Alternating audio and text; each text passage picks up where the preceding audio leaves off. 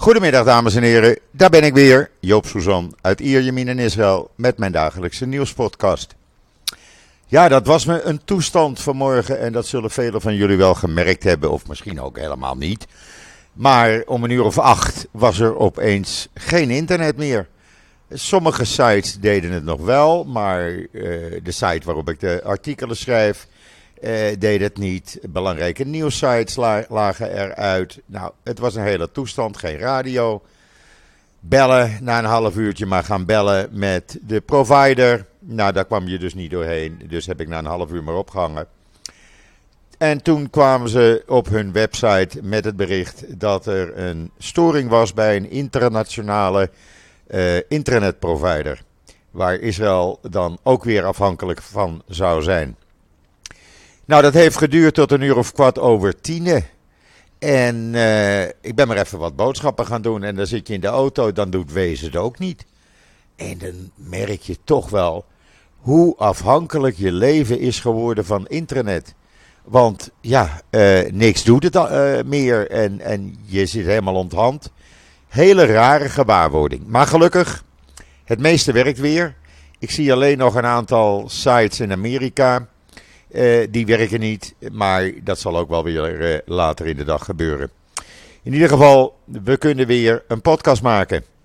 En als u geluid op de achtergrond hoort, ja, Joop heeft zijn raam weer open. Want Joop is niet echt een liefhebber van airconditioning. En ik vind uh, een fris windje, een briesje vanuit zee toch wel lekker, ondanks dat het 30 graden is. Het is niet volledig onbewolkt, er zijn wat wolkjes. Is even wat minder, maar we hoeven niet uh, bij de pakken neer te zitten hoor. Heb maar geen medelijden. In de loop van uh, de komende dagen 34, 35 graden. En dan COVID. Ja, dat gaat nog niet goed hier. Ik las uh, gisteren dat ook in Nederland er een toename is. Nou, bereid je maar voor. We hadden gisteren opnieuw boven de 10.000 nieuwe besmettingen. Om precies te zijn, 10.785. Er werden 30.591 mensen getest. En toen bleken er 10.785 besmet te zijn. Dat is een heel hoog percentage opnieuw. 35,2 procent. Het R-cijfer staat ook nog veel te hoog. R.1.28. Dus één persoon besmet meer dan één andere. 1 en een kwart, laten we het zo maar zeggen. Er zijn wel iets minder mensen met het virus, zo'n 8000 minder dan op maandag, 52.096. Maar er liggen er meer in het ziekenhuis. Nu ernstig zieken zijn er 190, waarvan er 37 in kritieke toestand. En die 37 zijn allemaal aangesloten aan de beademing. Gelukkig is er de afgelopen 24 uur niemand overleden. De Universiteit van uh, Tel Aviv heeft trouwens nieuwe bevindingen gedaan, nieuwe ontdekkingen gedaan. Bijvoorbeeld, waar komen die COVID-19 varianten vandaan? Daar hebben ze een studie van gemaakt. Je kunt het lezen op israelnieuws.nl. En het blijkt dat die uh, nieuwe varianten waarschijnlijk worden gevormd bij chronisch zieke uh, COVID-patiënten. Die uh,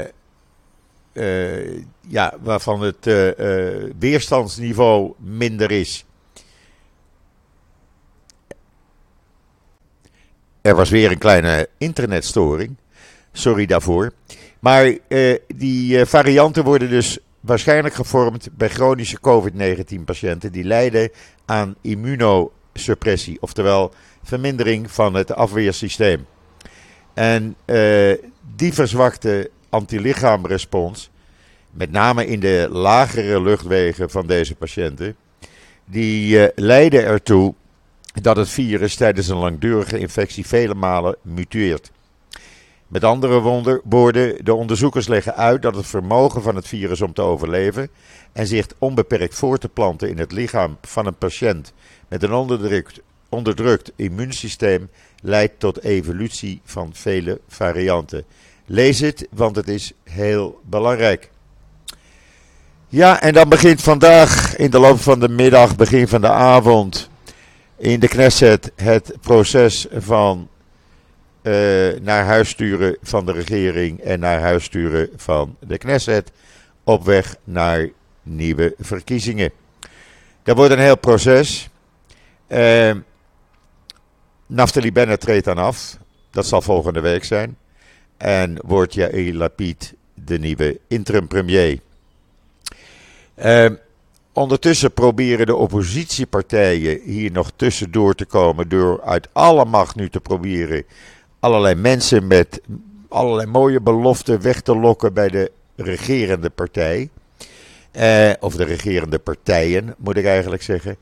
En uh, op die manier dus geen nieuwe verkiezingen, maar zelf een regering samenstellen vanuit de Knesset. Ik denk dat de kans zeer minimaal is dat dit gaat lukken. Ondertussen hebben nieuwe peilingen uitgewezen van alle drie de nieuwsstations dat nieuwe verkiezingen, de vijfde in 3,5 jaar, ja, we lijken Italië wel, uh, ja, geen oplossing gaan bieden. Weer een padstelling, weer geen meerderheid voor welke groepering of welke combinatie dan ook.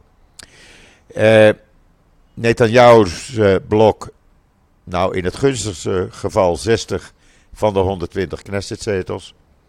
Dat is bij de publieke omroep kan. Bij Channel 12 nieuws zouden dat er 59 zijn. En Channel 13 zegt ook 59. Hoe dat dan allemaal zit? Nou, ik heb het helemaal uitgewerkt uh, vanuit allerlei kranten hier. Uh, Hebreeuwse en Engelstalige kranten. En het staat allemaal op Israël Nieuws. Het zou dus weer verspilde moeite zijn. Ja, hoe je dit dan gaat oplossen, ik zou het niet weten. Er moet een oplossing komen, want zo op deze manier kan het niet doorgaan. En Israël staat al uh, bij de westerse landen op de eerste plek met de meeste verkiezingen in de afgelopen tien jaar. Uh, Nederland op plek 8 trouwens. Even een slokje water. En ja, er moet gewoon een oplossing gekomen worden, want die kan niet meer. Het, uh, het wordt echt te gek. Ik denk misschien een oplossing zou zijn om die kiesdrempel te verhogen. Of naar een twee- of drie partijenstelsel te gaan. Zoals in Amerika. Je zou hier kunnen denken aan een uh, rechtse partijgroep, een linkse groep en de orthodoxe, CQ, ultra-orthodoxe bij elkaar. Dan, uh, ja, dan is het niet zo moeilijk en dan zal er altijd wel een combinatie zijn die de meerderheid behaalt. Maar goed, daar zal wel weinig voor te voelen zijn, want iedereen wil een stukje van de cake. Uh, Lapid gaat het trouwens moeilijk krijgen tegen Netanyahu, maar Netanyahu krijgt het moeilijk tegen Lapid. Want uit de peilingen blijkt ook dat Lapid langzamerhand dicht daar richting Netanyahu kruipt. Uh, voor wat betreft voorkeurstemmen als premier. Ook dat kan je zien in die uh, uitleg over die peilingen. We gaan het meemaken. Uh, opnieuw trouwens, afgelopen nacht, want de IDF gaat, doet gewoon haar werk. Of zijn werk. Net hoe je het bekijken wil. Opnieuw zijn er elf terreurverdachten door de IDF afgelopen nacht aangehouden. Ook zijn er weer wapens in beslag genomen. Natuurlijk werd er weer explosieven gegooid en stenen gegooid naar de troepen. Maar er is niemand gewond geraakt. Dan heeft gisteravond als een van de laatste daden van premier Bennett de lancering van de Nationale Garde van Israël plaatsgevonden. Jawel, we hebben gewone politie, we hebben de grenspolitie en we hebben dus nu een Nationale Garde. Dat was al aangekondigd na de rellen verleden jaar in de uh, gemengde en Arabische steden tijdens de operatie Guardians of the Walls.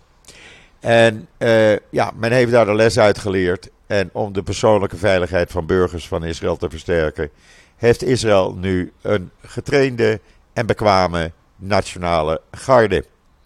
Die gaan dus opereren tijdens ongeregeldheden en noodsituaties. De grenspolitie en de Israëlische nationale garde, uh, waar gaan die dan uit bestaan? Nou, die bestaan uit dienstplichtige en professionele uh, grenspolitieagenten. Uh, daarnaast een ja, grote groep vrijwilligers, zo'n 8000. En daar komen er nog zo'n 1500 bij, voornamelijk uit de periferie.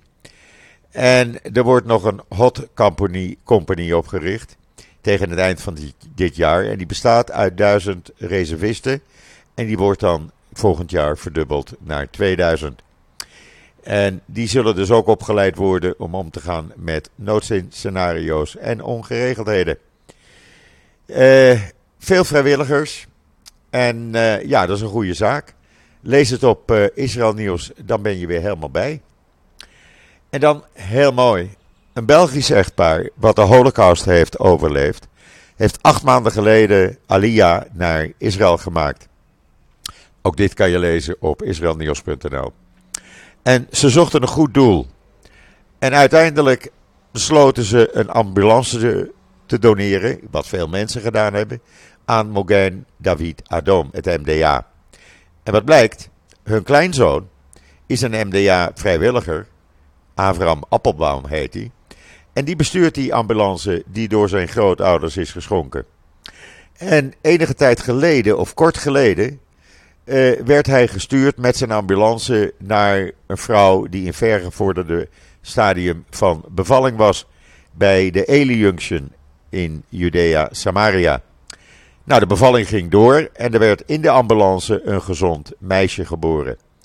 Nou, toen die opgewonden ouders uh, later dit verhaal hoorden, dat die uh, ambulance geschonken was door Holocaust-overlevenden en dat hun kleinzoon de chauffeur was, besloten ze hun zevende dochter Neta te noemen. Uh, een naam die verwijst naar het voortplanten door de wortels. Als gebaar naar deze Holocaust-overlevenden. Nou, de hele ontmoeting werd in elkaar gezet tussen de schenkers, tussen de uh, kleinzoon, tussen de nieuwe ouders. Een prachtig verhaal. Ga het even lezen. Ik vond het bijzonder ontroerend. En dan Tadiran. Tadiran is uh, de Israëlische producent van airconditionings. En hele goede, moet ik zeggen. En die is gaan sponsoren Danielle Wolfson, een 44-jarige jonge vrouw. En ze is de enige Israëlische vrouw die de top van de Mount Everest heeft bedwongen. En zij wordt nu gesponsord, want ze bereidt zich voor om meer toppen te gaan uh, beklimmen. Zoals Mount Denali, uh, de hoogste berg van Noord-Amerika bijvoorbeeld. En ja, als ze die heeft gedaan, dan heeft ze zes van de zeven hoogste bergtoppen in de wereld. Heeft ze dus beklommen. Nou, ze wordt dus nu gesponsord door dit bedrijf. Hoe mooi is dat? Ze hebben in eerste instantie 286.000 euro gegeven. Nou, daar kan ze even mee vooruit. Een mooi verhaal. Het staat helemaal op israelnieuws.nl. Ja, wat niet zo mooi is, anderhalf miljoen kinderen zitten vandaag thuis. Want alle onderwijzers, van kleuterschool tot middelbare school, zijn aan het staken.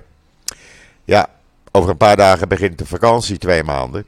Uh, begint op 1 juli. En dan tot 1 september zijn de scholen toch dicht. Dus je kan nu even nog je, je spierbalken laten zien. Om het zo maar eens te zeggen. Normaal gebeurt dit altijd in de weken voorafgaand aan de start van het nieuwe schooljaar. Maar men heeft het nu omgedraaid. Het is een beetje traditie hier in Israël. En uh, ja, het gebeurt uh, elk jaar. Alleen nooit aan het einde van het schooljaar. Dit is wat nieuws. Ja, of de, nieuwe, of de oude regering, de huidige regering moet ik zeggen, wat kan doen, ik weet het niet. Want ze staan op het punt om demissionair te worden. En of ze dan veel uh, dit soort beslissingen kunnen nemen, ik weet het niet. Daar zal de procureur-generaal over moeten beslissen. Nou, het is zover. Ayala Tjaket was de afgelopen dagen in Marokko. En ja hoor, er is een overeenkomst. Eh... Er komen uh, bouwvakkers en verplegend personeel uit Marokko in Israël werken. En dat begint al binnen een maand. Uh, dat gaat niet om een paar honderd, dat gaat echt om duizenden werkers. En daar heeft Israël ook behoefte aan. Daar hebben we dringend noodzaak aan. En dat is natuurlijk hartstikke mooi. Het is haar laatste daad geweest als uh, minister van Binnenlandse Zaken. En uh, ja, uh, ik denk dat Israël daar uh, hartstikke blij mee is. Iedereen, alle werkers, want eindelijk hebben we dus weer uh, genoeg werkers. Ze moeten nu uit Moldavië komen. Nou, dat werkt allemaal niet. Dat is allemaal te omslachtig. En ze komen dan op een vast contract en dan na een bepaalde tijd gaan ze ook echt weer weg. Zo werkt dat hier. Ja, en dan heeft na 20 jaar rechtszaken een uh, rechtbank in Jeruzalem bepaald dat de Palestijnse autoriteit 130 miljoen uh, shekel, dat is zo'n, uh, nou pak een beet, 28 miljoen euro. nee, even kijken, 130, nee het is meer, het is zo rond de 40 miljoen euro. Die moeten ze gaan betalen aan slachtoffers van terreur in de jaren, eind jaren 90, eind begin jaren 20. Of de Palestijnen dit gaan doen, ik vraag het me af. Want ze zullen wel weer zeggen, ja, dan moet de EU eerst maar eens even wat uh, geld storten. Maar in ieder geval, de uitspraak ligt er. En ze moeten maar over de brug komen, zullen we dat maar zeggen. Wie niet over de brug gaat komen is de nieuwe president van Colombia. Want dat blijkt een Israël-hater eerste klas te zijn. Meneer Gustavo Petro was eerst een linkse rebel. En die heeft Israël vergeleken al een aantal keren met nazi-rijk Duitsland. Ja, dan moet hij maar niet op visite komen, zullen we dan maar zeggen. Wie wel weer bij elkaar op visite komen, dat zijn Hamas en Syrië. Want uh, gisteren is uh, Hamas-baas Haniyeh op visite geweest bij uh, de Syrische president Assad. En ja, ze worden weer dikke vriendjes. Nou ja, soort, soort zullen we maar zeggen. Je kan dit trouwens lezen op Times of Israel. En de Saoedische kroonprins, die was gisteren in Egypte, die heeft voor miljarden dollars uh, deals afgesloten. Egypte hartstikke blij. Hij is vandaag in Jordanië. Ze hebben gisteren trouwens, miljarden, ja, 7,7 miljard dollar aan infrastructuur, hernieuwde energie. nou ja, noem het maar op, je kan het zo gek niet indenken. Egypte is weer de koning te rijk. Hij is vandaag in Jordanië en zal waarschijnlijk hetzelfde doen met Jordanië. En ja, dan worden ze allemaal weer vriendjes van elkaar, zullen we maar zeggen natuurlijk. Want zo werkt dat eigenlijk, hè. Uh, en wat hebben we nog meer voor nieuws? Want we hebben nog steeds af en toe wat internetstoringen. Oh ja, dit is nog een mooi verhaal wat je kan lezen in de Jeruzalem Post. Het leek wel een opname uit Fauda. Want het is nu bekend geworden dat uh, Israëlische veiligheidsagenten uh, uh, à la Fauda verleden week Israëlische burgers uit hun hotel in Istanbul hebben uh, geëvacueerd. Toen de plannen van die Iraanse terroristen bekend waren. En die zaten hun op het spoor. En dat is echt à la Fauda geweest. Er is geen paniek gezaaid.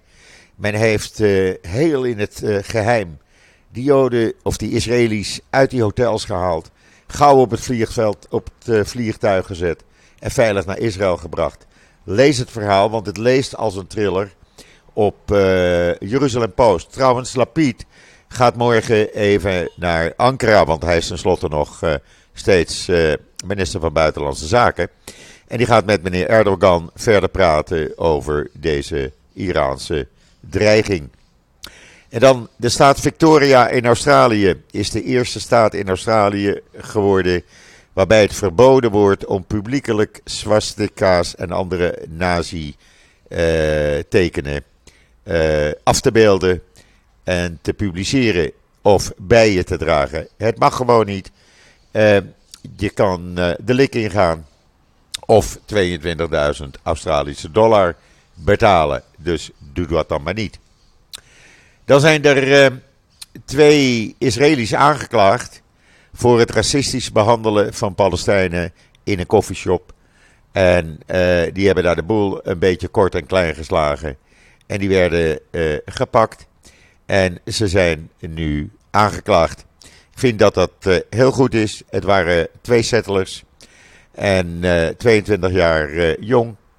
En ja, door de video die er gemaakt was, kon je dus zien hoe ze de boel kort en klein slagen. En dat ze nu de ingaan binnenkort. Helemaal goed, ik sta er helemaal achter. Van andermans spullen blijf je af. Als er mensen zijn uh, die vragen hebben van wie is die Yair Lapid nou eigenlijk? Nou, in Jeruzalem Post vandaag staat een heel artikel uh, over wie die is. Hij begon als journalist, hij is tv-presentator geweest, liedjeschrijver. Het is een hele amicale, aardige man. Hij heeft ook gezegd, hij gaat in de, de residentie wonen, maar zijn gezin niet. nou ja, we gaan dat meemaken natuurlijk. Het wordt in ieder geval weer iets nieuws. Ja, en ondertussen hebben zowel Lapid en Bennett met Blinken gesproken, de Amerikaanse minister van Buitenlandse Zaken. Die zegt: Ik sta achter jullie, ik steun jullie, wie er ook premier is. Wij steunen Israël, wij als Amerika steunen Bennett. Bedankt voor je gedane zaken, maar we steunen ook Lapid. En we gaan met jou ook lekker samenwerken. En het eerste wat we gaan doen is wanneer de Amerikaanse president Biden op 13 juli naar uh, Israël komt. Ja, dan uh, zal het wel een barbecue worden met uh, Lapid. Wat Bennett gaat doen is nog steeds niet bekend. Hij houdt het er nog steeds zelf op dat hij mogelijk aan de verkiezingen gaat meedoen. Ik hou er rekening mee dat hij gewoon weer het bedrijfsleven ingaat. Zonder van al die veiligheidsmaatregelen in die straat waar hij woont. kan weer allemaal afgebroken worden. Het kost weer bakken met geld. Maar ja, wat schiet je ermee op? Weinig. Goed, dat brengt het tot, mijn einde, tot het einde van deze podcast. Uh, ik hoop dat we straks normaal internet hebben, want nogmaals, je bent echt onthand. In ieder geval, ik wens iedereen nog een hele fijne voortzetting van deze woensdag, de 22 juni. We gaan alweer langzaam aftellen wat betreft uh, uh, het lange licht. Ik ben er morgen weer, samen met Esther, want ik ga vanavond de keukentafel even oppoetsen, even schoonmaken. En ik zal morgen uh, een paar bakjes verse koffie gaan zetten, want Esther, nou die is een koffieleut hoor. En dus morgen zit ik met Esther samen aan de koffietafel. En uh, ja, dan ben ik er weer. Dus zeg ik tot ziens, tot morgen.